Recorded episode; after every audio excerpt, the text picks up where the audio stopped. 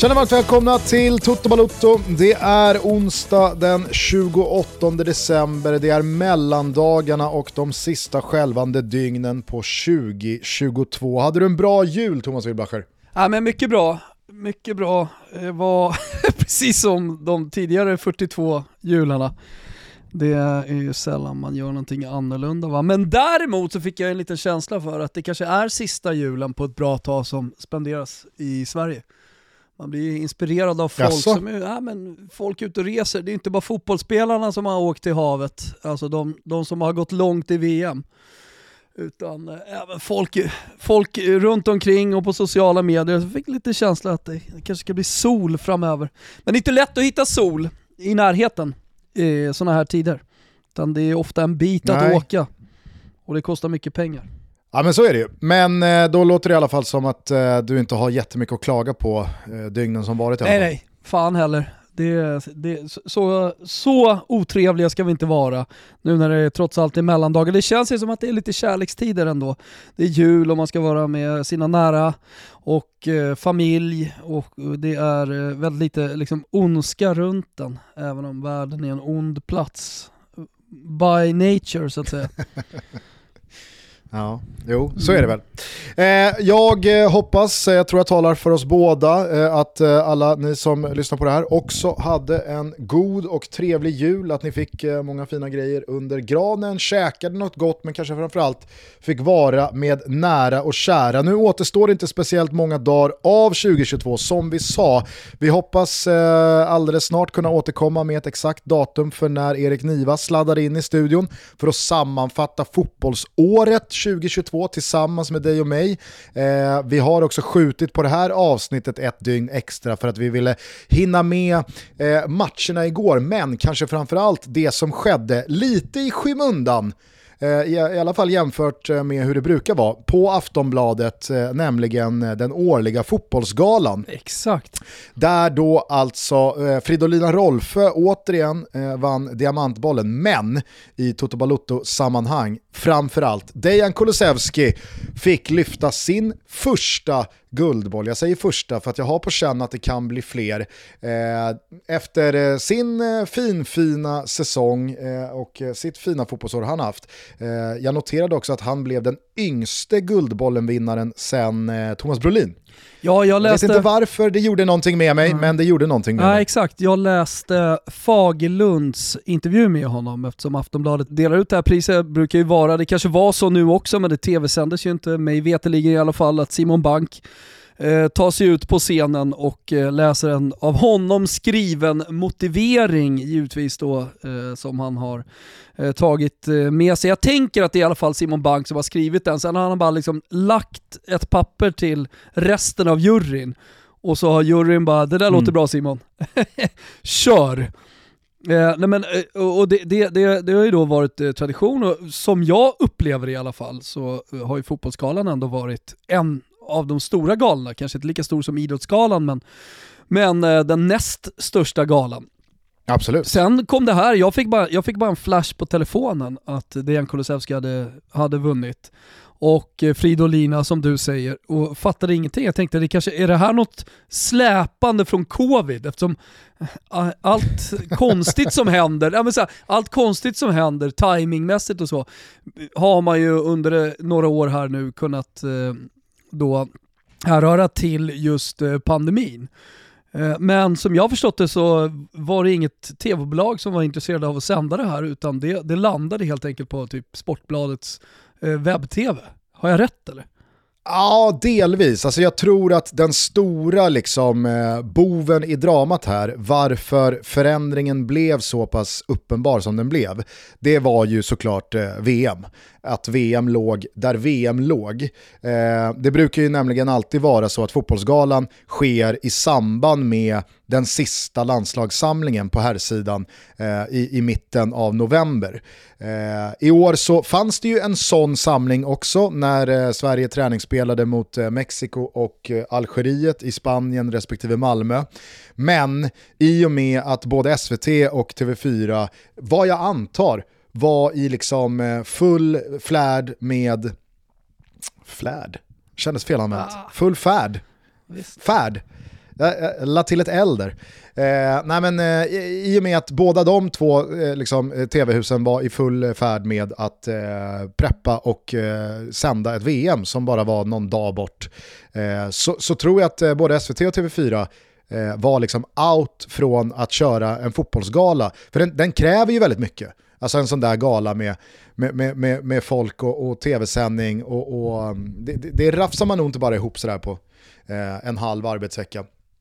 Eh, och jag menar, lyfter man bort TV4-huset och SVT-huset från ekvationen, då, då, är det, då är det inte, liksom, då, då, är det inte många trygga, ja, men... stabila, liksom, erfarna spelare kvar på planen. Nej, jag tänker att det är kostsamt också och om det ska finansieras så, så, så, så, så behöver det göras ett ganska stort arbete. Men i alla fall, jag blev jag blev förvånad, men så började jag då eh, söka lite och hittade den stora liksom Guldbollen-intervjun som Frida Fagerlund hade gjort med Dejan Kulusevski och, och förstod ju i den texten... Det var väl länge Jennifer Wegerups eh, liksom, eh, ja. prime av året. Eller liksom, ja men precis. Jennifer Wegerups största stund varje år, det är liksom Guldbollen. Guldbollen var väl också med hennes... på scen och så med, med, med Simon och delade ut Exakt. både diamantboll och guldboll. Men men, eh, nej, men förstod då, eh, skulle koppla an till det du sa om att han var den yngsta Guldbollen-vinnaren eh, i, i Sverige. Att han har ju flera sådana rekord. Han var den första spelaren född på 2000-talet att eh, debutera i A-landslaget. Ja, men det, det fanns en rad eh, sådana, eh, vad ska man kalla det för rekord, som ändå Dejan Kulusevski satt på. Han var väl också en av våra yngsta, kanske den yngsta och utlandsproffset.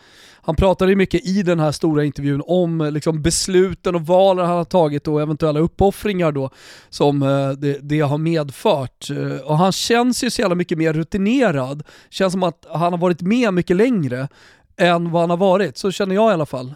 Och jag menar, går du som 15-åring till en utländsk klubb vilket många gör idag, eller många känner på livet. Men, men att sen gå hela vägen, det är väldigt få som gör. Och att liksom behålla Alltså då är man ju någonstans på den internationella toppen. Eh, om du spelar i en av Europas bästa akademier, han gick till Atalanta då, eh, som, som fostrar väldigt, väldigt många eh, väldigt duktiga spelare. Eh, då, då har han ju internationell erfarenhet sedan han var 15 år. Han fick växa upp väldigt fort och, och bo ensam väldigt snabbt också och bli, bli en vuxen människa och, och ta ansvar och allt det där. Eh, så eh, jag tror att kanske ännu mer min, än min känsla att Dejan Kulusevski har varit med länge, så är han en väldigt erfaren och kanske själv känner att han varit med väldigt länge, fotbollsspelare. För han har varit proffs då sedan han var 15 år gammal och eh, även om du är ungdomsproffs så lever du ju, eh, visserligen med skolan då, men du, du lever eh, elitfotboll, eh, elitfotbollslivet fullt ut då.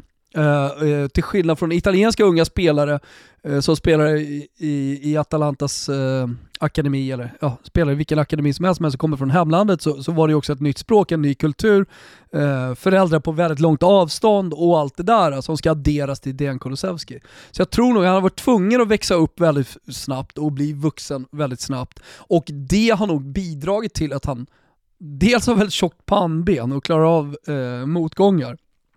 Eh, det tror jag är en av anledningarna till till exempel att han klarade av skiftet Pirlo, Max Allegri, från att vara en av de yngsta spelarna inom den italienska fotbollen som var på väg upp, rankades högst och så vidare från Parma-tiden till att bli satt i kylan av Max Allegri. Och han pratar i den här intervjun, ni får läsa den själva, men, men eh, han, han pratar ju om Eh, Eh, just det här med att tappa självförtroendet och, och, att man börjar tvivla på sin förmåga. För jag kanske inte, kanske inte var så jävla bra ändå.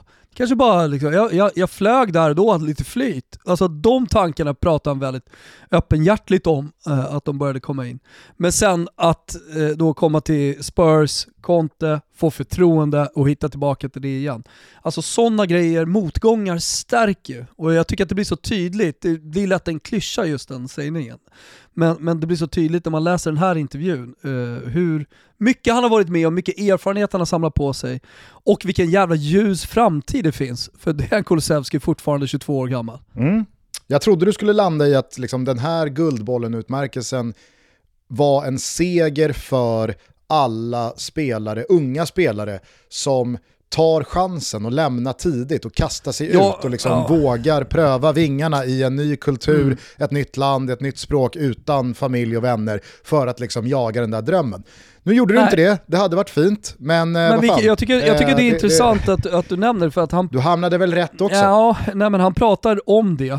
Uh, han får frågan direkt också vad, vad han tycker, liksom vad hans råd är till unga spelare i 15-16 års åldern som har möjlighet att gå utomlands. Eh, och jag tycker han resonerar klokt kring det eh, och jag håller, jag håller väldigt mycket med om, även innan den här intervjun, eh, vad, vad det, han säger, säger. Att du, du, du måste ju vara rätt person, du, må, du måste ju eh, dels våga bo långt ifrån dina föräldrar, eh, men att anta utmaningen. Det finns liksom inga genvägar och hamnar du i Italien, Spanien, England så, så, måste du kriga kanske ännu hårdare än vad de inhemska spelarna gör.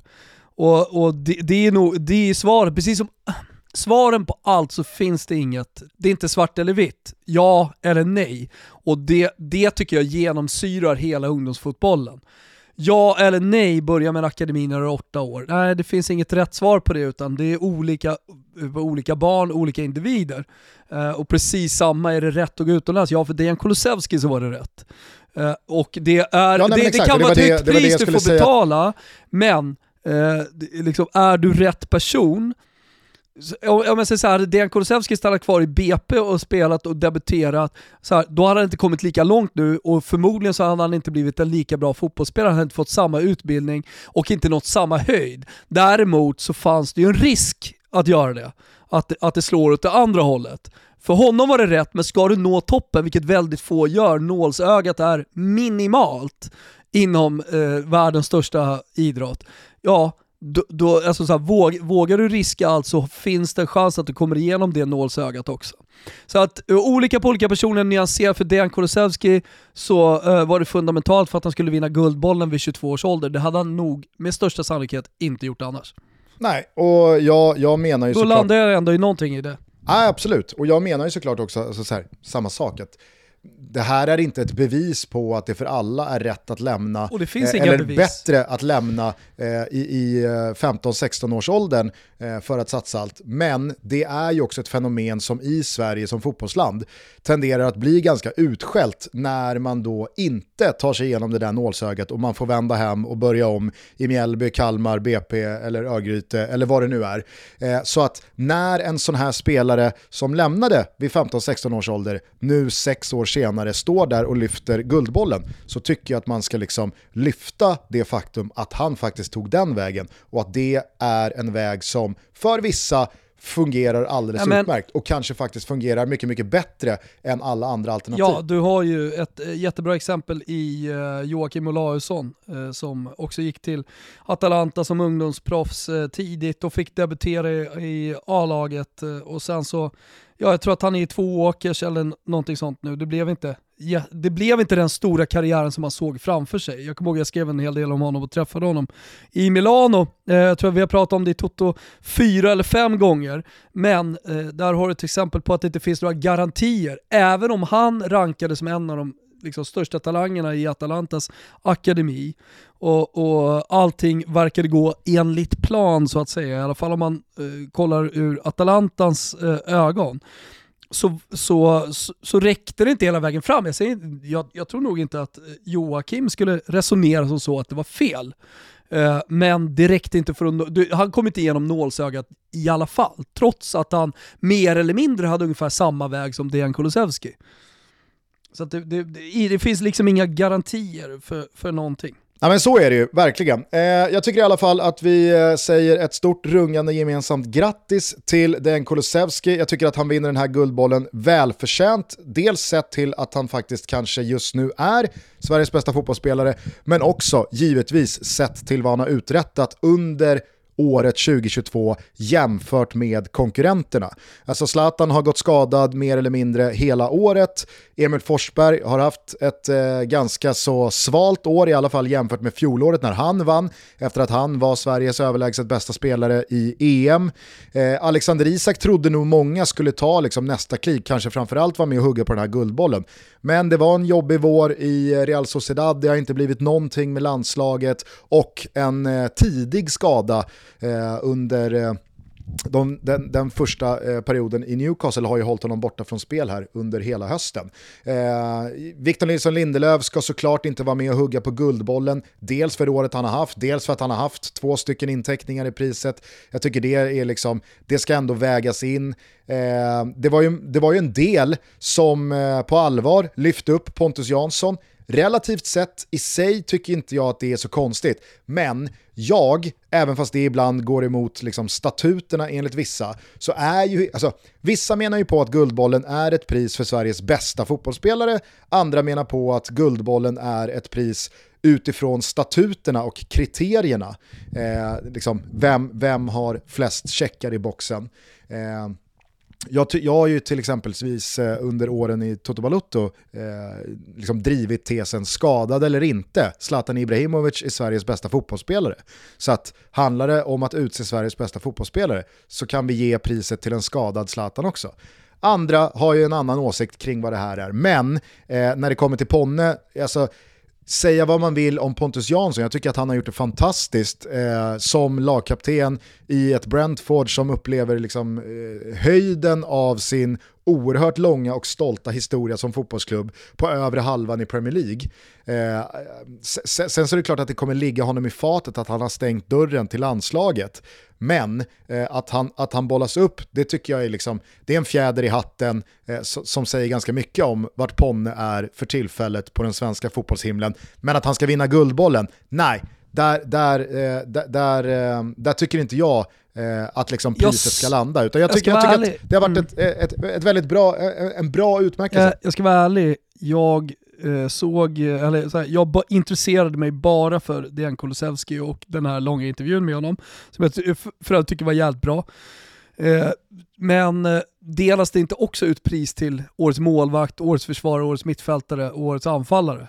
Jo, och det var där jag skulle ja, landa. Det, det eh, vet, för... Jag vet faktiskt inte, då får du upplysa mig. Jag vet inte vilka som vann. Jag såg att eh, Kosova Aslani, var, Aslani, för jag följer henne på Instagram, vann pris som årets mittfältare på damsidan. Eh, men ja, mer, mer vet jag faktiskt inte. Det är väl Hedvig Lindahl igen som är årets målvakt. ja. ja, hon kan fan Nej, inte få det efter det här året alltså. Nej, det var Jennifer Falk. Ja, men helt eh, rätt. Om jag inte, Häcken, om jag inte Häckens målvakt.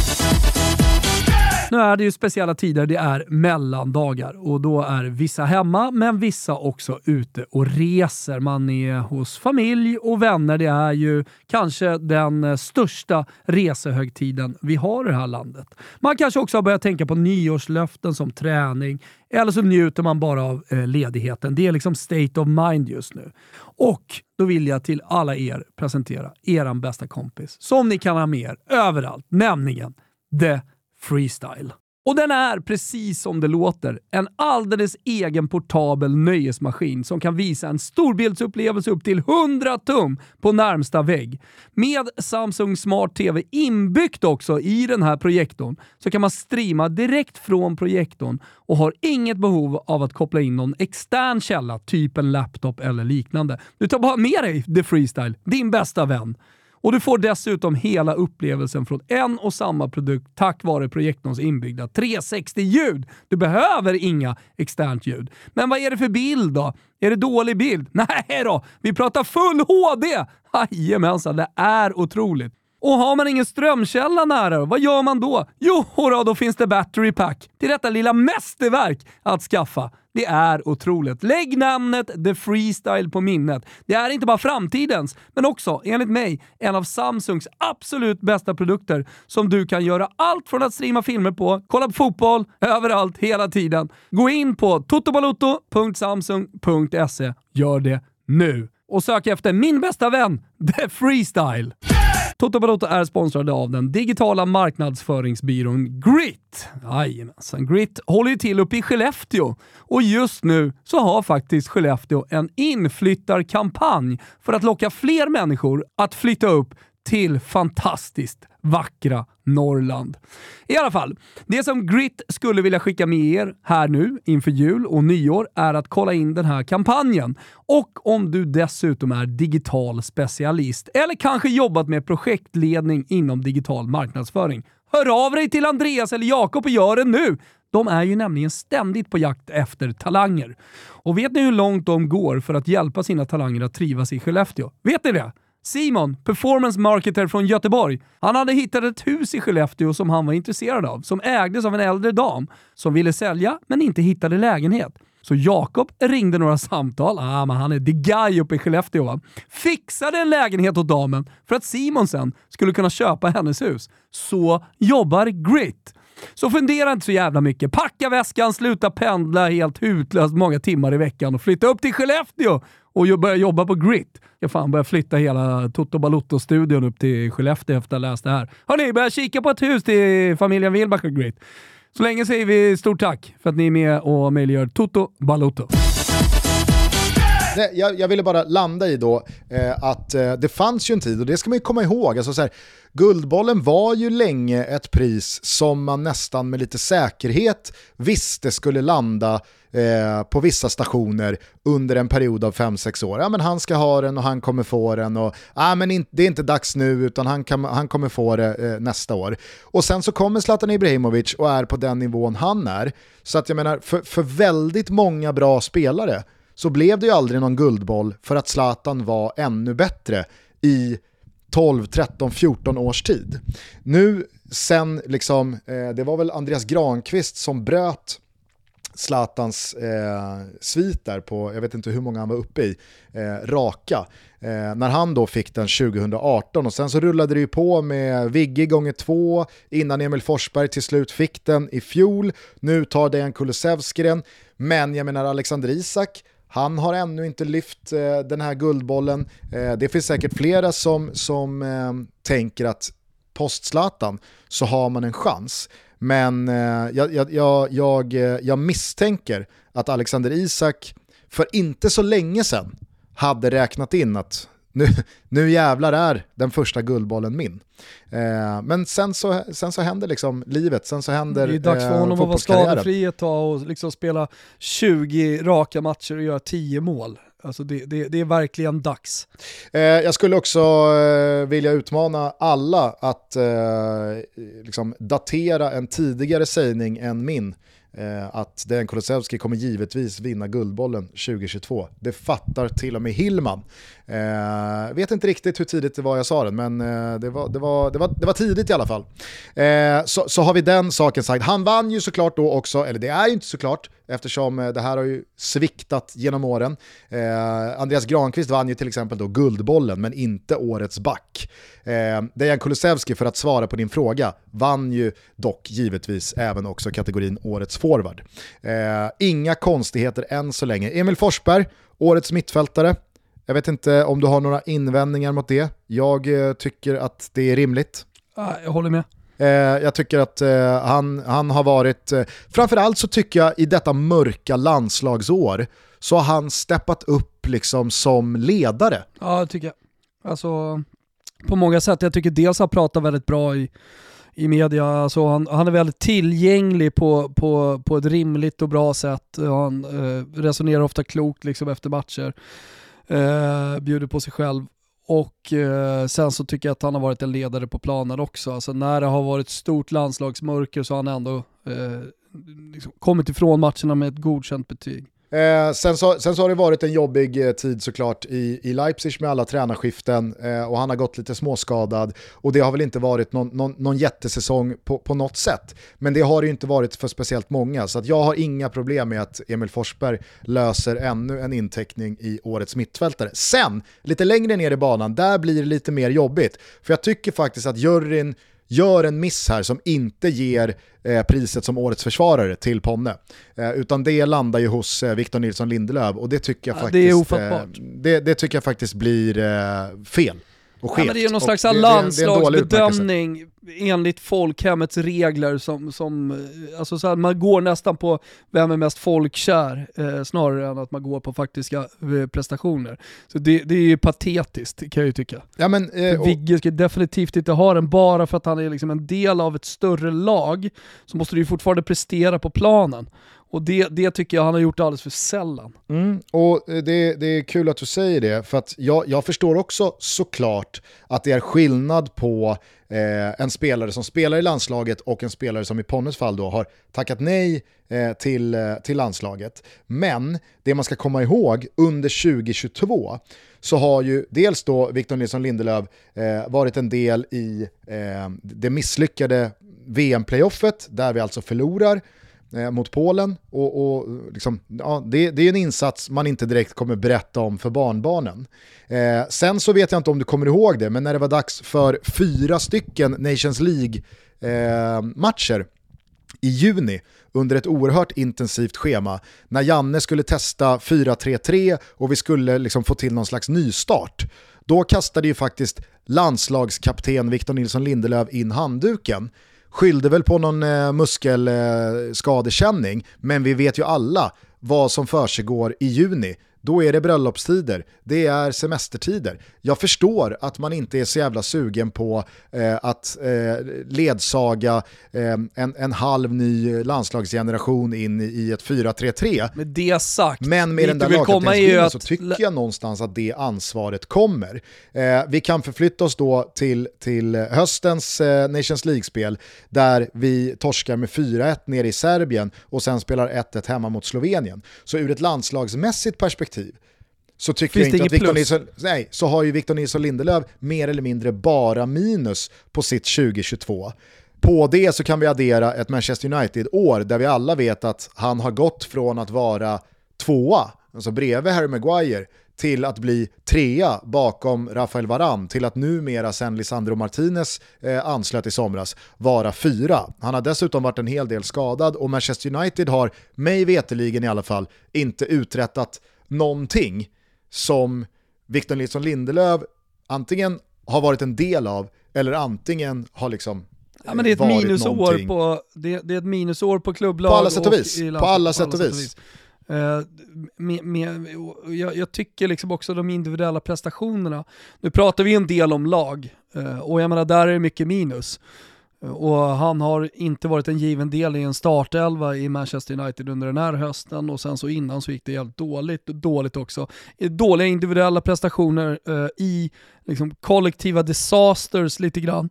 Eh, då, då, då är det, ja, men för mig blir det lite patetiskt att man ger det till eh, lagkaptenen i, i landslaget. Eh, det, det är liksom ett jättekonstigt populistiskt beslut. Men då undrar jag, sitter Janne kvar i juryn? Ja, men Janne har ju klivit av eh, sina jury. Ja. Ja. Vad, har vi på Eh, juryn och- då? Jag vet inte fan faktiskt. Det, det, det, borde man ju, det borde man ju kanske... Eller är det bank? är, är det bank som sitter där och bestämmer?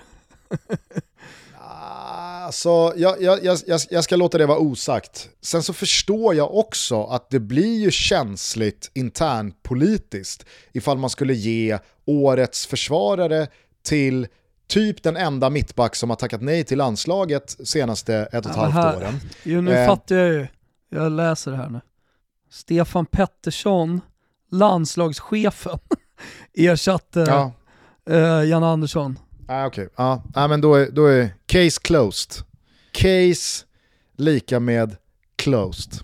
Eh, nej men precis, och då, har vi ju svaret. För jag, jag tycker att det blir lite, jag tycker att det blir lite liksom pajigt och sen så kan folk säga hur mycket de vill att vi är eh, jäviga här eller part i målet som vi, liksom alltid hejar på Ponne, jada jada jada. Det är inte liksom så här, vill, vill man spela ut det kortet, gör det. Jag, eh, det hade inte ens behövt vara Ponne, jag tycker bara att det, det, är så här, det blir så urvattnat det här priset när det av slentrian bara då ska gå till Victor Nilsson Lindelöf. Eh, det hade kunnat gå att lösa det en, en, en, en piggare pristagare. Precis som det hade kunnat gjort på då eh, posten och priskategorin Årets målvakt eftersom den gick till Robin Olsen. Och här förstår jag liksom faktiskt ingenting hur man landar i detta. Jag är inte först på den här bollen, det är många som har uppmärksammat det här i dagarna, jag är väl medveten om det. Men för er som inte har liksom tänkt på det här så kan jag påminna er om att eh, Robin Olsen inledde 2021 skadad i Sheffield United innan han i slutet av januarifönstret hamnar bakom eh, Dibu Martinez i Aston Villa. Eh, sitter på den kvisten hela våren men spelar de här två playoff-matcherna med landslaget som vi alla vet hur de slutade. Det blir en match för Manchester City i Premier League, det är säsongsavslutningen borta mot eh, Manchester City. Det blir förlust med 3 2. Sen så ska han ju ha en eh, jävla honör för att han ställer upp och spelar de här fyra Nations League-matcherna i juni. Då. Det gick ju dock som det gick. Eh, det blev ju eh, raka eh, förluster efter segern mot eh, Slovenien i premiären. Och sen så fortsatte då, då efter sommaren tiden i Aston Villa med kvisten hela vägen fram till september då det blev fyra insläppta mot Serbien, kryss mot eh, Slovenien, tillbaka till kvisten. Sen så blir det då ett Premier League-inhopp när eh, Martinez skadar sig. Torsk 4-0 mot Newcastle. Eh, två matcher senare så står han mot Manchester United i ligacupen, släpper ånyo in fyra bollar innan det alltså var dags igen nu i förrgår mot Liverpool Eh, där det blir förlust med 3-1. Och jag säger, liksom, jag, jag, jag säger inte i detta att Robin Olsen har gjort det dåligt i sig i matcherna eller att han, han bo, alltså, hans insatser borde ha genererat fler poäng till Villa eller bättre resultat för Sverige. Det sa ju jag, jag tycker... om Vigge. Däremot. Ja, Låt mig men, vara men, i det här, ja, men i det här fallet så tycker jag bara att det är, det, det är för mig helt oförklarligt hur detta 2022 kan rendera i en utmärkelse som årets målvakt. Vad, vad har vi, alltså så här, hur, hur fan motiverar man det till de svenska målvakter som relativt sett har gjort det jättebra? Ja, ett fakta här från 2020 kan ju ha varit så att det har ändrats någonting, men då bestod i alla fall juryn av sex personer. Tre stycken från förbundshåll, Karl-Erik Nilsson, Håkan Sjöstrand och Stefan Pettersson. Eh, och övriga platser då från Aftonbladet, då Patrik Hamsch, sportchef, eh, dåvarande sportchef, jag vet inte om han är kvar, Simon Bank och Petra Thorén. Mm. Det är ju, det är ja, ju, en, det är ju en jävla jury. Det, det, är väl liksom antagligen ja, men då eftersom... Ska de bestämma, alltså sitter vi och pratar om ett pris som de här sex har suttit och liksom knåpat fram. Egentligen så borde vi göra ett eget pris. Och så kan, eh, kan vi, kan vi ja men helt ärligt, vi kan ta med också folkets röst eh, som en av sex personer, blir liksom Toto, Toto Baluttos lyssnare som får rösta fram. Eh, men sen, du, ja. då gör vi så här att i nästa avsnitt till nyårsafton så kör vi den alternativa fotbollsgalan. Ah, fan vad nice. Ja, men vi gör det, helt ärligt. För det här går ju, går, kan ju inte sitta på Karl Nilsson, Håkan Sjöstrand, Håkan Sjöstrand alltså. Och landslagschef Stefan Pettersson, jävla surmulen, som tillsammans med Patrik Hamsch, vet inte om han är kvar, och eh, banken och Petra Thorén knåpar ihop vilka som, vilka som ska vinna det här priset. Alltså, då har ju vi mycket mer trovärdighet i den. Men, men ska, vi, ska vi addera några? Da, ska vi ta med inrikeskorrespondent och utrikeskorrespondent Danny Larsson också, alltså i juryn så att säga, så vi kan, ja. råd, vi kan ha ett litet råd. Ja, absolut. Jag tänker att vi ska vara sex personer bara för att, eh, ja, sådär på något sätt. Ja, eh, kanske Ponne ska vara med, fast här kanske blir lite jäv. Exakt. Ponne, vem tycker, du ska ha, mm. vem tycker du ska ha Guldbollen Podde? Jag, jag vet att vi kommer få Danne Larsson emot oss när vi ska utse Ponne till årets försvarare. jag, har en, jag har en vag magkänsla av att Danne kommer propsa hårt för sin klient Anel Ahmedhodzic som ja, representerar Bosnien ja, förvisso, men, men som men, ändå jag, kan jag få tyck, liksom, jag har årets namn. försvarare jag har, jag har ett bra namn. Aha. Din bror Isak Dalin tycker jag borde vara med i juryn. Han har mycket åsikter. Mm -hmm. Och har mycket fotbollskunnande tänker jag. Och ja. ni, ja, men... ni är väldigt olika också sådär i ett sätt ibland att se på eller ni har väldigt starka åsikter. Ja. Uh, ja men alltså vi får sätta ihop en kan... liten brain trust. Mm. Vi får sätta ihop en liten brain trust och så återkommer vi med den alternativa fotbollsgalan i nästa avsnitt av Toto Balutto. Jag tycker i alla fall att eh, utmärkelserna kanske vi inte ska prata för mycket om eh, vilka vi tycker ska ha priser och så, utan det kan vi då eh, sätta timer på till nästa avsnitt Eh, Eh, men du vill bara avsluta med att du, du kommer ju inte sitta i juryn med mig, Isak, Danny, Fribben och kanske någon till och propsa för att eh, Robin Olsen ska vinna målvaktspriset. Nej, precis. Det var det jag ville stänga det här segmentet med genom att eh, skicka en liten gulasch till de som har landat i att Robin Olsen är årets målvakt.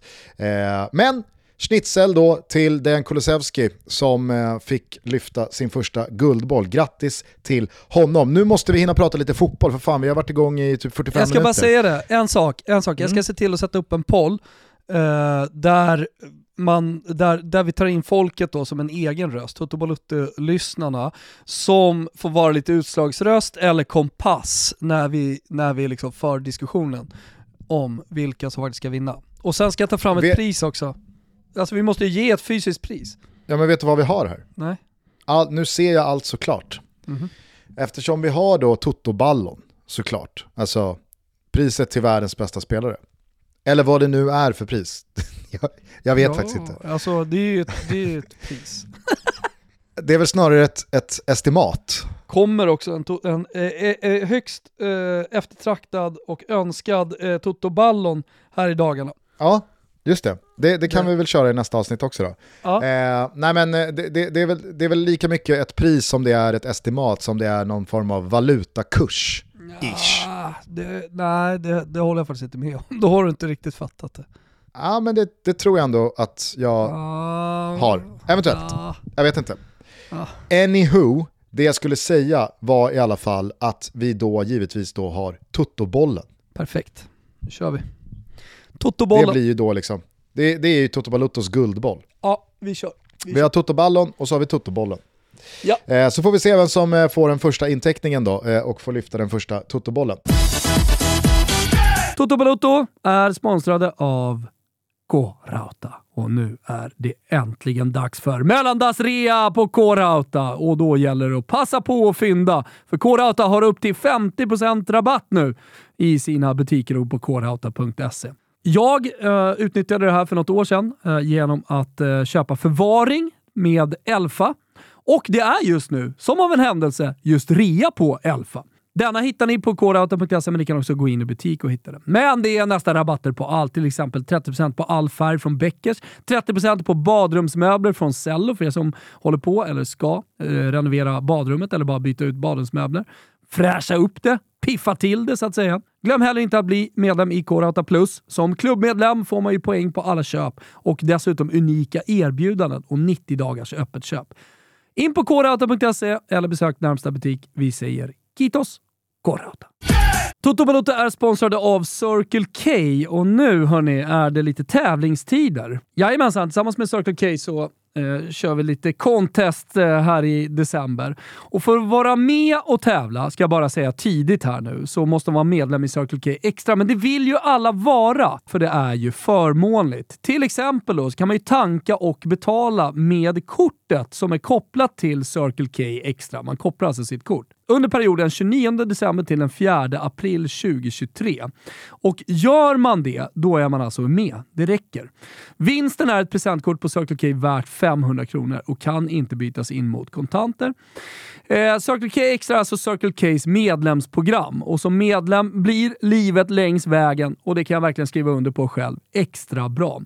Några av fördelarna för att vara konkret. Du får 25 öre rabatt per liter i tre månader när du ansluter till Circle K Extra med valfritt bank och betalkort första gången. Därefter får man 15 öre rabatt per liter. Bara där är bra. Var sjätte kopp kaffe och var sjätte tvätt på köpet. Jajamensan, det får man på köpet. Och en varmkorv kostar alltid 15 kronor. Som sjätte tvätt, och som du har nått dit då, då erbjuder Circle K dig deras premiumtvätt dessutom. Och man behöver inte hålla räkningen själv för Circle K de mässar när det är dags. Så vad är det man behöver göra för att vara med och tävla? Jo, du behöver bara göra Circle K till din bensinstation och ansluta ett kort och gå med i Circle K Extra. Vinsten är ett presentkort på Circle K värde 500 kronor. Och detta sker alltså varje vecka under den här perioden. Är inte det otroligt? Så att eh, det är bara att gå med i Circle K Extra. Vi säger stort tack för att ni är med och möjliggör Toto Balotto. Toto Balotto görs i samarbete med Sambla, låneförmedlaren ni vet som jämför upp till 40 långivare helt kostnadsfritt. Eller, det kanske ni inte visste?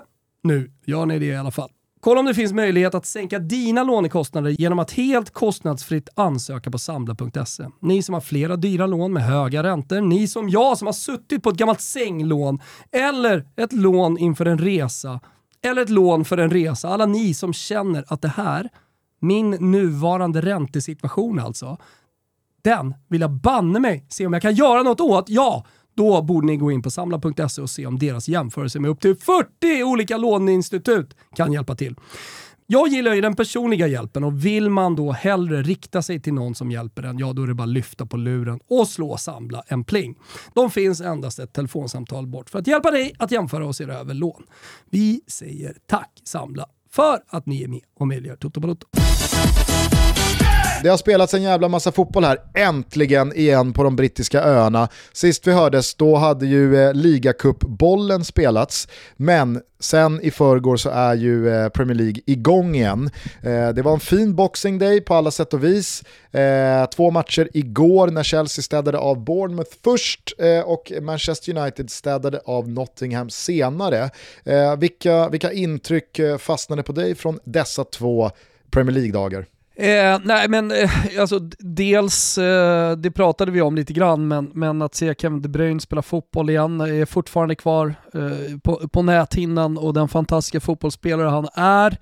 Eh, fräscht nu spelar, han, han, spelar ju, han spelar ju ikväll då. Han spelar ikväll, jag vet, men han spelar ligacupfotboll. Men okej okay mm. då, från Premier League-fotbollen. Jag mm. liksom tar mig tillbaka här lite försiktigt och börjar i kronologisk ordning med den fotboll jag har sett. Och då, eh, då gjorde det väldigt starkt intryck på mig. Ja, är du med? Och så tar jag mig lite framåt här. Mm. Är du med? Ja, en sak som jag, som jag tyckte eh, var kul, eh, och, och som jag fastnade lite vid, det är att se alla spelare som inte var med under VM. Lite bortglömda har de blivit under en månad. Håland, Salah och så vidare. Alltså det, ja, det gjorde ändå någonting med mig. Se Håland göra mål efter en kvart.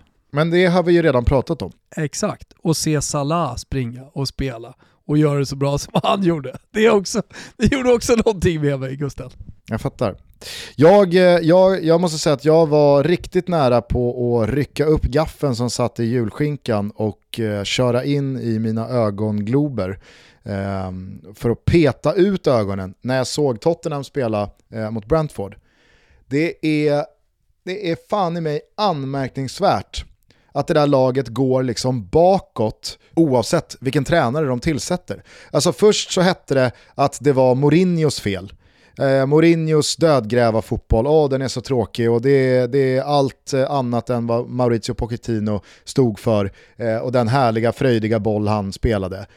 Och, och, och, och, och sen så var det tydligen Nuno Espirito Santos som var, nej han är fan ännu värre än, än Mourinho, det här går inte, vi, vi, liksom, vi, vi måste, vi måste vi måste faktiskt ge lite upprättelse till the special one här. Så jävla dåligt kanske det inte var. Och sen så kommer nu här Antonio Conte, som på ett år har lyckats gå från ja, men, eh, styva segel och tro på morgondagen till att ja, men det är nästan så att jag liksom hör Tottenham-supportrar prata om att det är värre än hur det såg ut under Nuno. Och när man ser Spurs spela med det här laget som de har på banan, däribland då Kulusevski, men kanske framförallt Kane och Son. Och, jag menar, det, finns en, det finns en stabil eh, centrallinje med, med Höjbjerg och visst, nu, nu stod i och för sig inte Hugo Lloris eh, mot Brentford, men han har ju varit en konstant mellan stolparna eh, under hela den här hösten. Och det har ju sett ut på samma sätt hela tiden, match efter match. Man går ut, man är inte på banan, man hamnar i underläge med en eller två kassar och sen så börjar man liksom intensivt spela någon desperat fotboll sista halvtimmen och så löser man på något jävla mirakulöst sätt ett resultat och så får den här shitshowen bara rulla vidare. Alltså, jag, jag, jag förstår inte vad Conte pysslar med. Nej, eh, alltså vad han pysslar med är väl att han kanske inte har sitt lag i bästa form just nu. Vi, det, det, det, är långt kvar innan Eh, vi ska summera Spurs säsong. Nu låter det som att jag inleder någon slags eh, försvarstal för Antonio Conte bara för han är italienare här, det gör jag inte. Eh, men alltså sett till att Manchester United vinner med 3-0, att Chelsea vinner med 2-0, att Arsenal fortsätter flyga, att Liverpool vinner borta mot Aston Villa, så var ju, ja, till och med Newcastle får ju ses som ett topplag nu, så, så var ju Spurs kanske det enda laget då som, som inte heller presterade resultat. Och jag vet inte fan om vi hade suttit här och pratat om den tråkiga bollen, men okej, okay, det finns väl en anledning att göra det. Men eh, jag, jag, hörde väldigt många experter, eh, jag, jag, jag, såg många på sociala medier som pratade om eh, att så här, det ska bli intressant att se de här lagen, i, vilken, i vilket skick de kommer och, och hur de ser ut nu efter eh, efter, efter, VM och många spelare har varit iväg i VM och vissa har spelat länge också. Eh, och det, det, där någonstans så här, höll jag med, det skulle bli spännande att se. Och där tycker jag ju att många av dem jag nämner också såg väldigt bra ut, det var inte bara resultaten.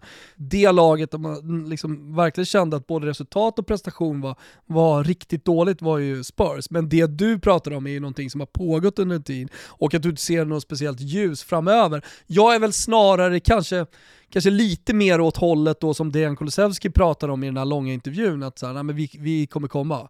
Alltså vi har tränat jävligt hårt och, och, och Alltså rent fysiskt, kanske lite nedtränade, alltså det, det kommer.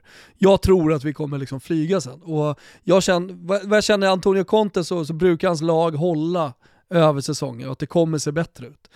Eh, så det är väl snarare men... kanske en varningsklocka då kanske. Absolut, samtidigt som man ska ju komma ihåg att Conte är ju en tränare som, liksom José Mourinho, är beroende av resultat, för det är det enda som rättfärdigar sättet att spela fotboll.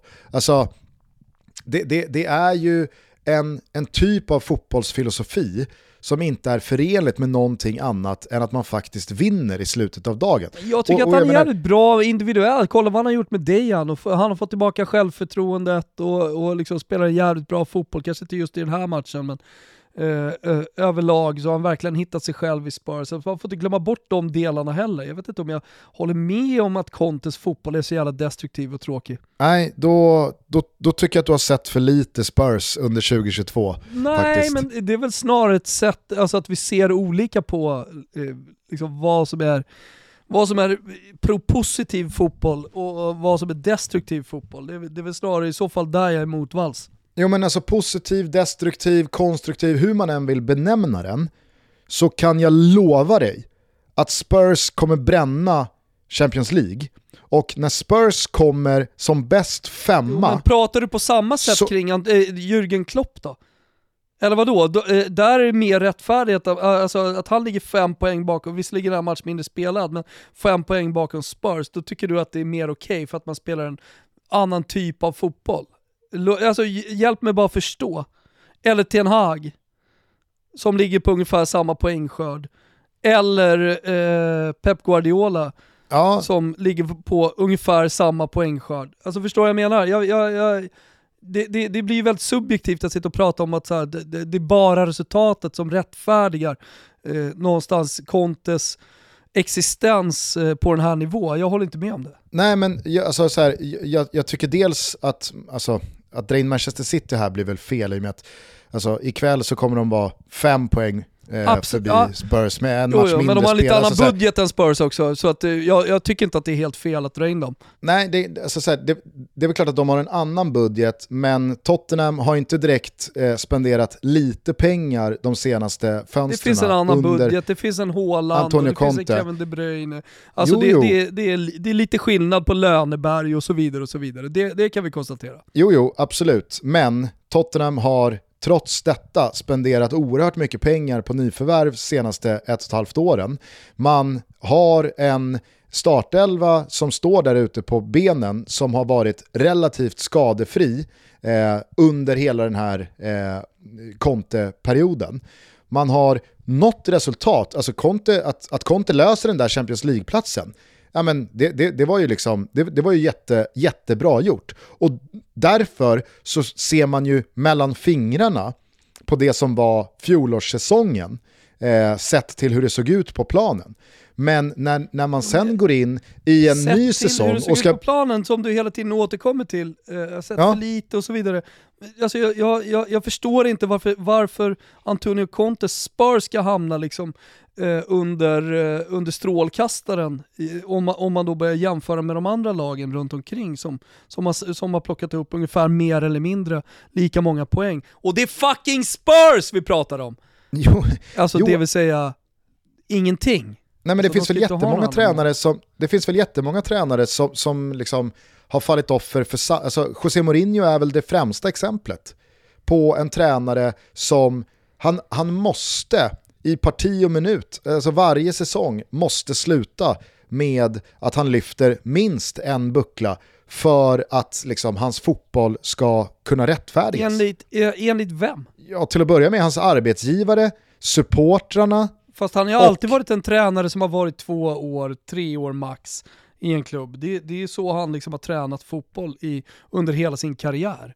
Det ja, finns väl ingen som förväntar sig att, han, äh, att eh, José Mourinho ska komma in och vara någon one-time-gubbe, eller vad säger jag, one-club-man eh, Ferguson i, i en klubb. Alltså så att han är kort tid tycker jag liksom inte...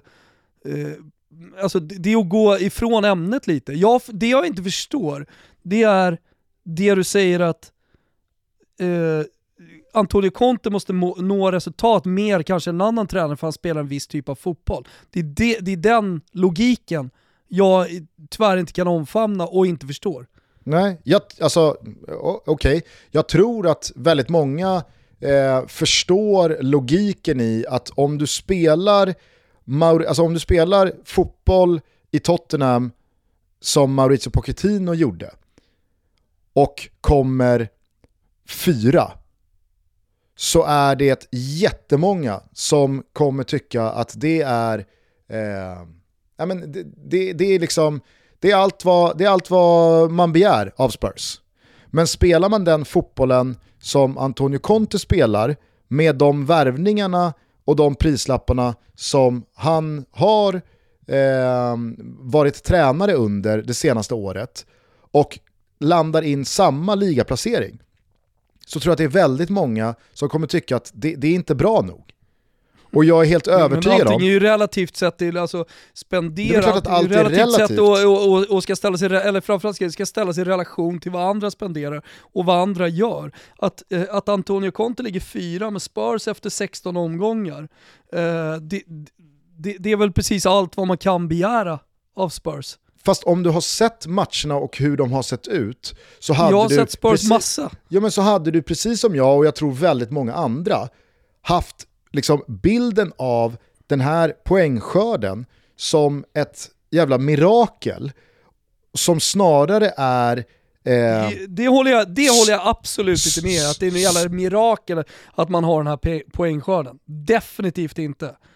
Då, då, har Nej, man inte sett nej, men- mycket, då har man inte sett mycket fotboll. Då kanske man borde gå tillbaka i, i fotbollshistorien och se hur lag har vunnit sina titlar och lag har, eh, hur framgångsrika lag har blivit framgångsrika.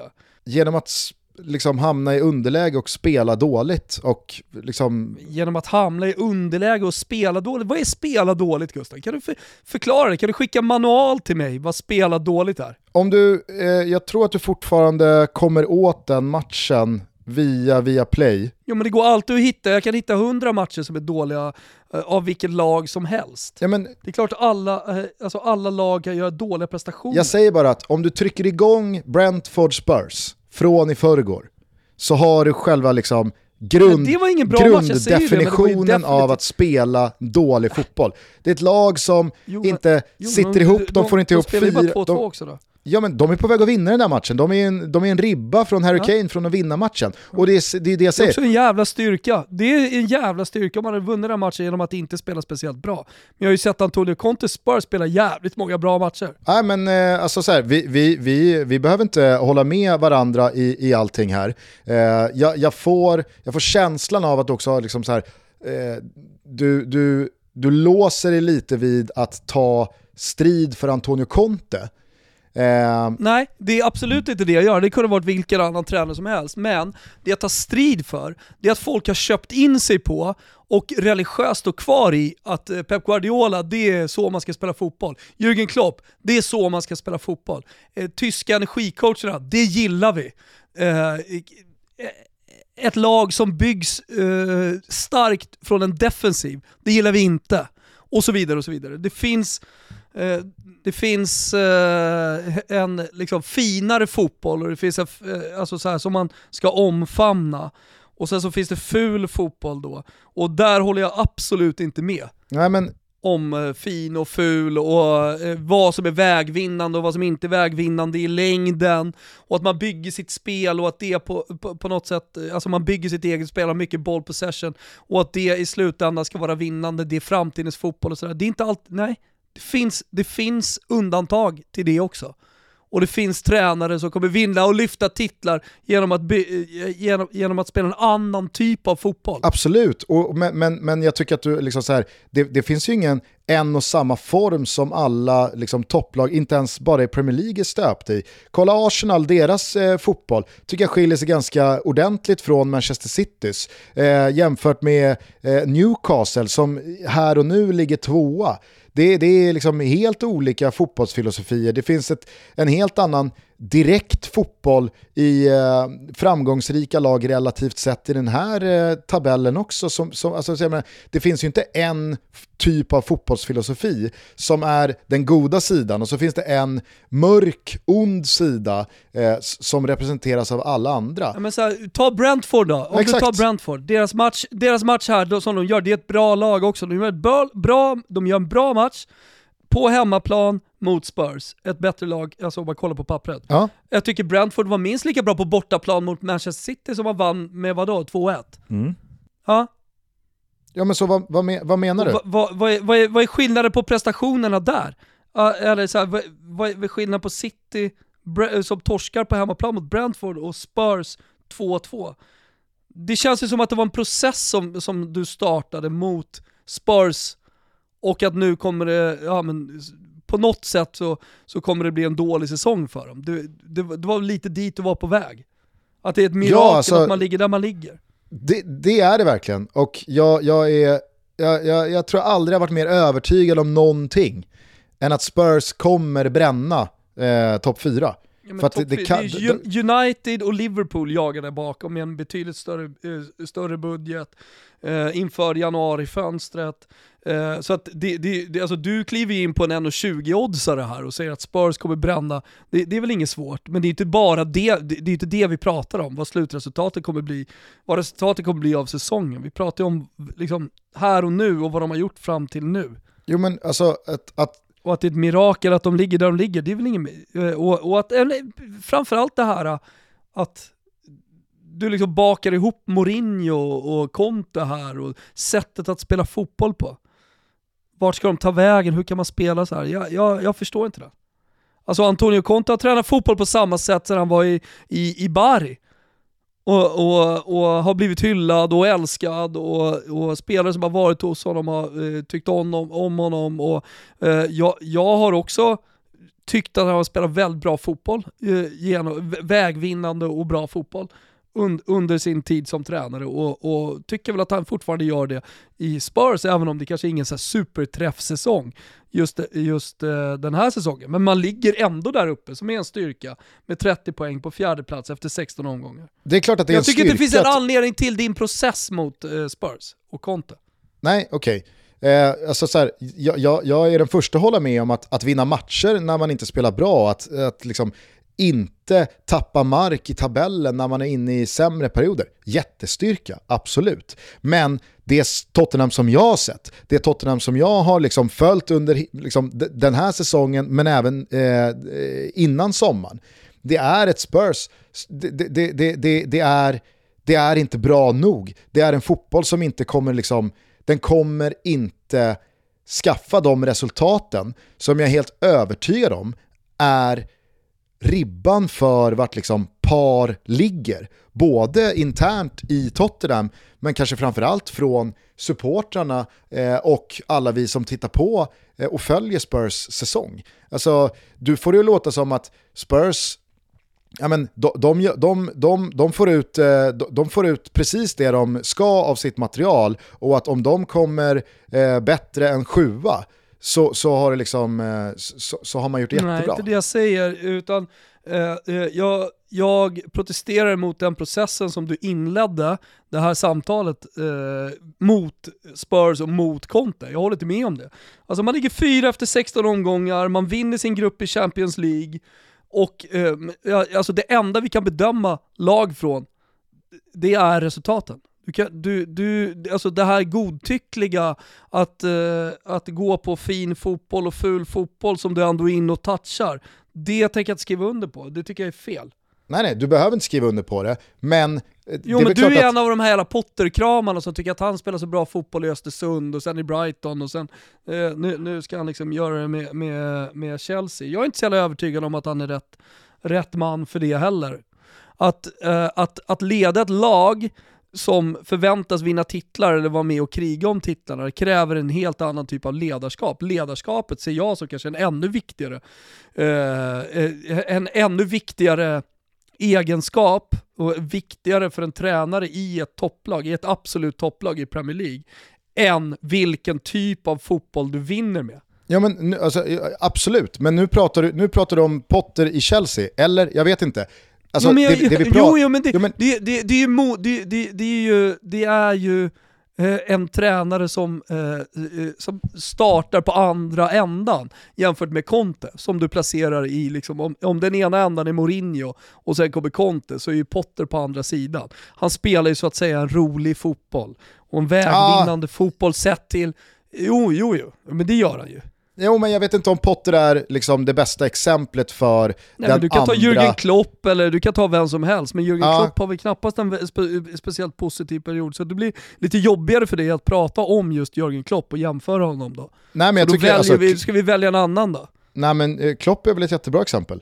Alltså, ja. det, det absolut. Och, och så, så, är det ju. Alltså, jag Där startas det aldrig några processer. Nej men jag är helt övertygad om att alltså Manchester City har ju varit enorma eh, på att skaffa sina poäng i eh, Premier League-toppen de senaste 4-5 åren när Liverpool har varit med och tävlat. Och Liverpool har gjort det liksom så här, alltså de, de har gjort det fenomenalt, både poängmässigt, men jag tror framför allt sättet de spelar fotboll, sättet eh, Jürgen Klopp har handplockat, varit med och handplockat spelare, utvecklat de spelarna, spelat med de unga spelarna eh, och, och eh, gjort det otroligt i liksom ett, vad ska man säga, eh, ja, men för att använda samma ord fast i ett annat sammanhang då, i liksom processen Liverpool. Det, det har ju, alltså jag är helt övertygad om att han har suttit bergsäkert genom den här perioden eh, av svaga resultat. Det senaste, alltså, som, som den här säsongen inleddes med. Just för att han har bedrivit den fotbollen och den filosofin i Liverpool. Det kommer med ett annat pris kontra tränare som kanske nått samma typ av resultat men som inte har checkat i de övriga boxarna. Jag är helt övertygad om. Jo, jag, vad är det för boxar som ska checkas i? Jag, jag vet inte. Ja, men det är, det är väl de vi har pratat om de senaste 20 minuterna. Hur det ser jo, ut på, hur jag, det ser ut på fotbollsplanen. Vill, ja, hur det ser ut på fotbollsplanen. Det är de boxarna som, jag, som uppenbarligen, vi har olika boxar som vi tickar i. Mm. Jo, uppenbarligen. Absolut. Ja. Men jag är, alltså så här, och, och, och, du är helt okej okay med att det är process mot Spurs och Conte. Det där kommer inte funka. Nej. Och det, som har, det, det han har gjort fram till idag, efter 2-2 mot Brentford, det är bedrövlig fotboll. Alltså det, det checkas inte i några andra boxar än resultatboxen. Men hur når han dit då? Hur når han, hur når han första platsen i Champions League-gruppen? Hur når han fjärde platsen efter 16 omgångar med en betydligt mindre budget än, än de flesta konkurrenter uppe i toppen? Hur når han dit då? Alltså han har en fotboll... Han checkar inte in några boxar. Nej men han, har ju, han har spel... Nej men, men han nej, vinner. nej, för- nej men fast, nej, men jag, jag säger inte att han checkar i några boxar, alltså, så här, jag säger bara att sättet som Tottenham spelar fotboll på och har så gjort under den här hösten tror inte jag kommer leda till ett slutresultat som folk kommer tycka är bra nog. Jag tror att man ryker mot Milan i en åttondelsfinal, man fick kanske den lättaste gruppen av liksom alla en i bit dit, det är relativa 180 termer. minuter fotboll som Jo, ska jo, spela innan absolut. man är ute. Men ryker man mot Milan i en åttondel och bränner man eh, Champions League i, eh, Premier League-tabellen när säsongen är klar, då är jag helt övertygad om att alltså, alla... Men om man nu, om man nu checkar i boxar då, eh, men förlorar mot Milan, så att säga, spelar ruskigt bra fotboll, bättre fotboll enligt dig än, eh, under hela säsongen, när Ja. man förlorar mot, mot Milan. Hur ska jag då se, enligt dig, på Antonio Conte och ja, då, kommer han, då kommer han förmodligen... Det är eh, bättre eller? Då kommer han förmodligen få ut tillräckligt mycket poäng parallellt med det i Premier League som gör att man befäster en topp 4-placering. Okej. Ja. Ja, jag tycker bara det är ett intressant sätt eh, att eh, liksom dels checka i boxar och dels att nå resultat. Och så har man ju faktiskt nått resultat efter 16 omgångar. Både internationellt och i ligan har man nått resultat. Absolut, Men och det, det är ju det är, julens, det är julens Det är stora, fel det är i- julens stora, alltså det, det, det största miraklet, eh, det, det, den här julen, det är att liksom, att, att, att, det, här, att det här pågår. Ja, Nej, men det, det är jävligt intressant. Mm. Det är det. Hur, hur, hur, hur, hur den liksom populistiska fotbollsvärlden kramar om varandra. De är en jävla runkbulle liksom allihopa. Ja. Ja, men så, så, så kanske det är. Ja men det är ju det ju. Det är ju Så- det. Så så ska man få kanske liksom det följa, man ska tycka om dem och man ska tycka om dem. Liksom. Men det där, det är ingen bra fotboll. Sen i slutändan så får ni fel ändå. Ja, ja, jag vet inte. Jag tittar på Tottenham och så bedömer jag Tottenham utifrån vad jag tycker och tänker och känner. Jag brukar inte sträcka upp eh, fingret i populistvinden och slicka på det utan det, det räcker med, det är räcker med, det är det då räcker med att titta på det här jävla du gänget. Alltså. i. Nej, Ja. för fan. Kolla, kolla, på, kolla på Spurs. Det är, det är, det är återigen Absolut. eh, någon jävla waterboard-tortyr. Ja. Jo men då kan du sitta där med hela dobbgänget och, och hela liksom, eh, fina mediagänget och tycka det. Och så kan ni liksom se när jag seglar förbi och ha rätt i allting jag, allting jag säger istället. Fina mediagänget. Eh, jag noterade ytterligare från Boxing Day att eh, Alexander Mitrovic är allt vad man vill att en anfallare ska vara. Eh, det är inga liksom, Mm. eh, ny, Det- nymodigheter eller konstigheter i det. Han, han är perfekt. Hur man än vrider och vänder Mm. på honom så är han perfekt. Eh, vi eh, förvånades icke av att Julen Lopetegi fick eh, omedelbar snurr på Wolves. Kommer givetvis lösa det där kontraktet så det bara sjunger om det. Eh, Verkligen. det är, äh, det, det, där, där har du, där, där har du en, eh, en tränare som man, som, man, som man litar på eh, gör 100%. jobbet i, i, ett, eh, i ett sånt här utsatt läge. Eh, skulle, också vilja, skulle också vilja landa i, efter att ha sett Newcastle köra över Leicester med 3-0 på 25 minuter eller vad fan det var, eh, att det sämsta som kunde hända Leicester det var att man tog de där två segrarna precis innan VM-uppehållet när James Madison spelade för en VM-truppplats eh, och var tillräckligt bra för att lösa lite resultat. Alltså hade man, hade man bränt resultaten där, då är jag helt övertygad om att man faktiskt hade gått skilda vägar med Brennan Rodgers. Som jag vet inte hur länge jag har mässat om, är så utcheckad från det här. Han är så klar i Leicester. Eh, de, de, är, de är så skadliga för varandra just nu att det behöver bara ta slut. Och det syntes, alltså man kan inte efter en månads uppehåll, en, en och en halv månad, vad fan blev det? Eh, ställa ut skorna och se ut som Leicester gjorde första halvtimmen mot Newcastle. Det var, äh, det var pinsamt.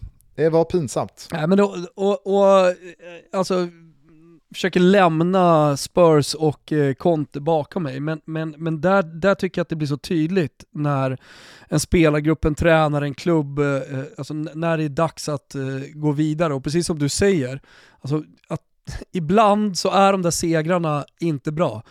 Eh, för, för jag vet inte hur mycket tid han köpte sig, hur länge det kan se dåligt ut, hur många dåliga resultat i rad eh, Leicester kan göra.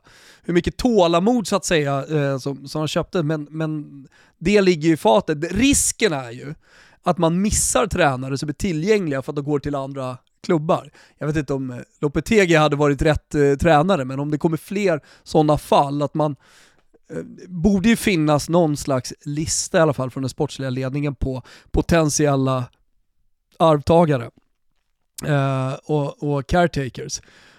Och ju längre man går desto färre blir de tänker jag. I alla fall deras ja. första, andra, tredje val. Ja, jag tror som sagt att eh, det, det, de skulle ha skiftat innan VM. Nu, nu så känns det som att de, de kan eventuellt ha gått bort sig lite i att liksom, eh, låsa sig vid Brennan Rodgers och eventuellt så, så kommer det sluta eh, riktigt, riktigt illa. För att det tajtar ju till sig i botten här nu eh, ganska så ordentligt. Eh, nu har ju Leicester lite kudden ner, men det, det, det går fort. När Southampton också ska börja... Liksom, var fyra poäng. Southampton har agerat och ska blicka eh, mot säker mark, Wolves har redan gjort det. Everton, ja nu är man i samma läge igen med Frank Lampard, man har liksom gjort 12 mål på 16 matcher. Eh, jag, jag, jag, ser inte... Jag alltså, ser det, inte, finns ett lag, det finns en klubb som inte går att rädda.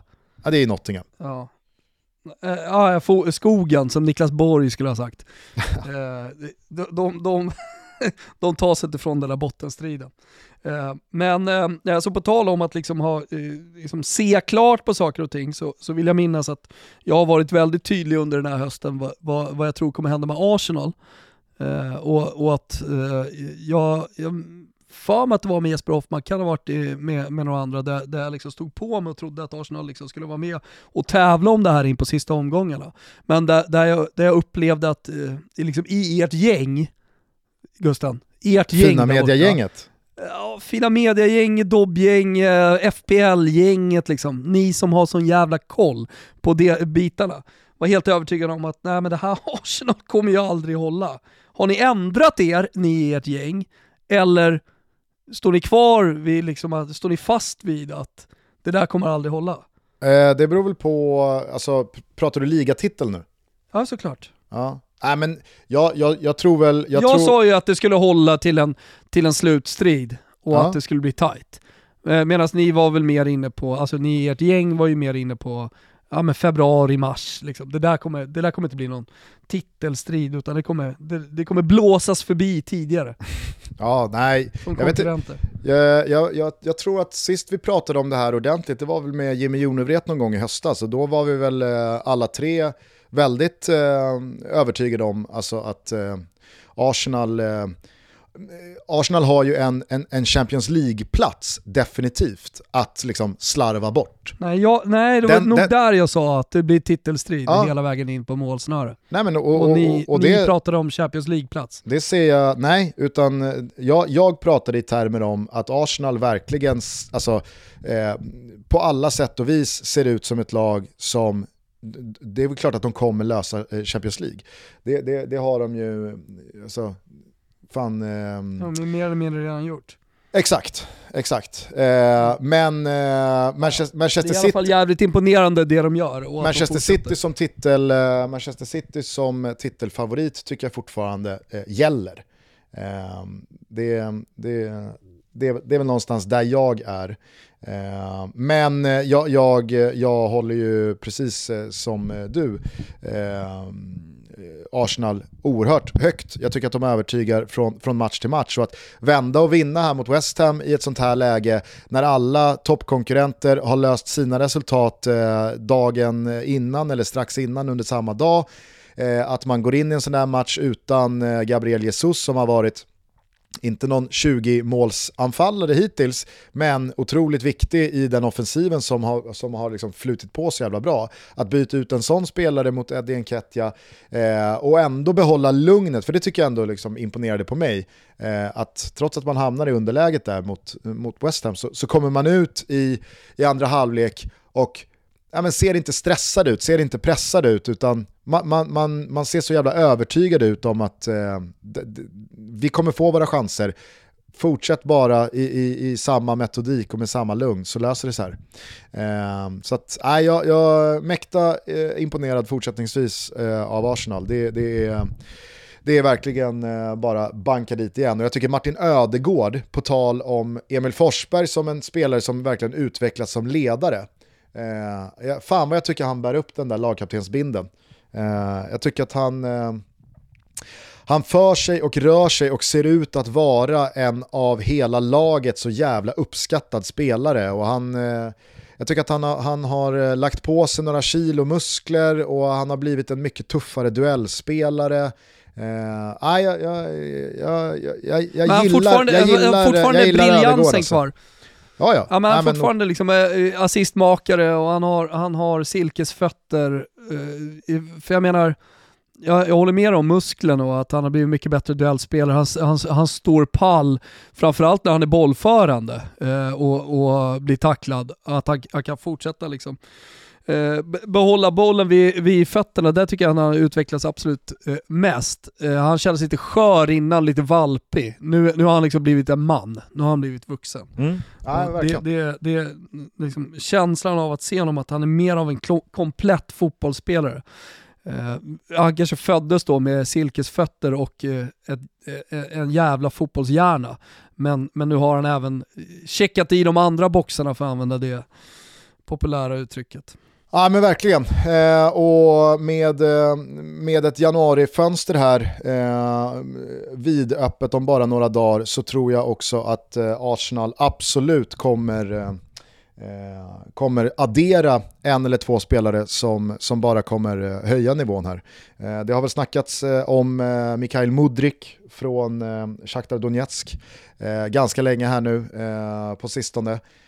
jag kan tänka mig att man överväger en, eh, en anfallare in.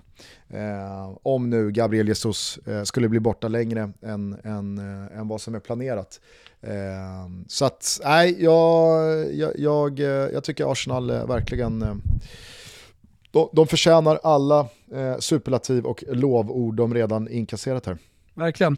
Med det sagt så kanske vi ska börja ladda här för Leeds Manchester City ikväll. Håland tillbaka i sin födelseort. Eh, och så hörs vi igen om några dagar då, eh, när vi ringer in det nya året med den alternativa fotbollsgalan där den första tuttobollen ska delas ut. Här ser jag jättemycket fram emot att sparka vår lilla WhatsApp-grupp, eh, sparka liv i den. Eh, kanske blir det lilla gruppsamtalet till och med där vi sitter och, och eh, väger de sista detaljerna för att eh, ta fram pristagarna. Eh, men eh, en sak jag är säker på, det är att Danne kommer ställa sig emot att Ponne vinner årets försvarare. Det är det enda jag kan säga så här långt. Ja. Eh, kort bara, på tal om eh, januarifönstrets eh, snart eh, vidöppna status. Eh, Cody Gakpo eh, dunkade ju in eh, enligt Fabrizio Romano, eh, nu var väl inte han först eh, med, med, med nyheten, men eh, han och en samlad silly mediakår är alltså klar för Liverpool. Just det. Jag vet inte vad jag ska tycka om den värvningen, men eh, jag antar att man får inleda och vara lite positiv i alla fall, sett till eh, vad han har presterat. Och, eh, jag, jag såg, eh, var någon som skrev till mig, pastorn, eh, Liverpool-supporter, skrev att men vadå, ska han in och konkurrera där vi redan har spelare? Eh, är det inte bättre att värva en tydligare nia? Eh, och att det finns lite sådana tankar i Liverpool-lägret. Mm. Samtidigt, alltså vad fan, Luis Diaz har väl fått något bakslag här och blir borta i 4-5 månader ytterligare. Eh, jag tycker att Oxlade Chamberlain här eh, i, i, sina två insatser, ligacup och eh, mot Villa i förrgår, inte alls eh, övertygar, håller måttet. Sadio Mané är long gone.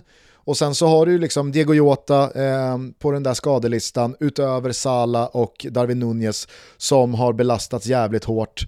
Eh, jag, jag, eh, jag, tror att eh, Liverpool, eh, dels så gör de ju en otrolig värvning för framtiden, men jag, jag tror att det är här och nu, det är bara att dra på sig tröjan.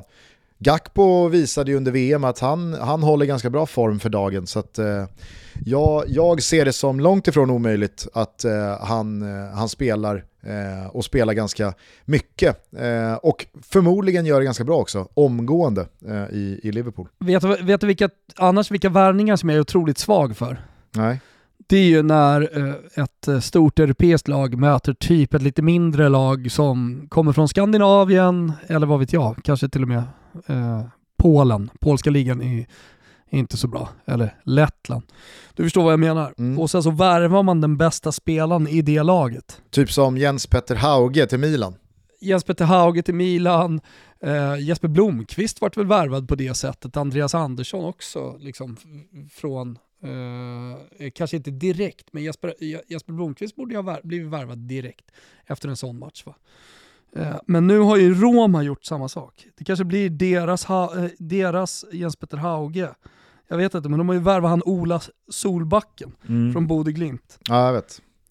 Jag vet. Han, han gjorde ju tre mål på Roma förra året. Man vet ju att de har inte scoutat honom någonting. De har ju bara sett honom göra de tre målen och bara... Nu, nu har han ju dessutom svinkolato så att han är, alltså, de kan ju ta honom gratis. Kan ju bara plocka honom. Eh, Det är ju bara sett till de tre målen som han har gjort att han är gratis. Ja, det är klart att man inte har längtat ihjäl sig efter en ny norrman i Norge. I Roma där. Nej, precis. Det, sa jag Norge? Ja, du säger Norge. Ja. Nej, jag hejar ju på. Norge va. Jag hejar på Norge sedan 25 år. Nej, i Roma de då. checkar i alla boxar. Exakt. Eh, ska dock sägas att en av mina favoritspelare all time i Roma eh, var norsk. Eh, då pratar jag inte om eh, John Karev, utan givetvis då Jon Arne Riise. Absolut. Fan vad bra han var alltså. Han, han gjorde jobbet, helt Ja. klart. Alltså, lite det Martin Jörgensen var för Fiorentina också. Alltså, Han var väl dansk? Gedigen spelare. Han är danska, men, men samma, samma, jo, men Samma det, skit. Det, det är samma aura liksom, samma, same shit, Ja. different name va? Different, different nation. Ja. Ja, men det, blir, eh, det blir spännande att följa Cody Gakpos eh, första tid i eh, Liverpool. Verkligen. Jag tror, han, jag tror han plockas för att gå rakt in här. Eh, ka- kanske inte starta tio matcher i följd, men eh, att han ska, liksom, han ska spela omgående. Det är vad jag tror. Säkert. Jag eh, och mitt fina mediagäng, det är vad vi tror. Ja men det är härligt, jag, jag följer er på distans. Jag vet vad ni, jag, jag är ganska enkelt att veta vad ni tycker och tänker. Mm, härligt. Eh, Men du, eh, hälsa tjejerna, ta hand om dig. Eh, detsamma till er som lyssnar. Vi hörs om eh, några dagar igen, eh, så får ni ha det så jävla bra till dess. Eh, så hörs vi för sista gången 2022. Underbart. Ciao tutti. Ciao till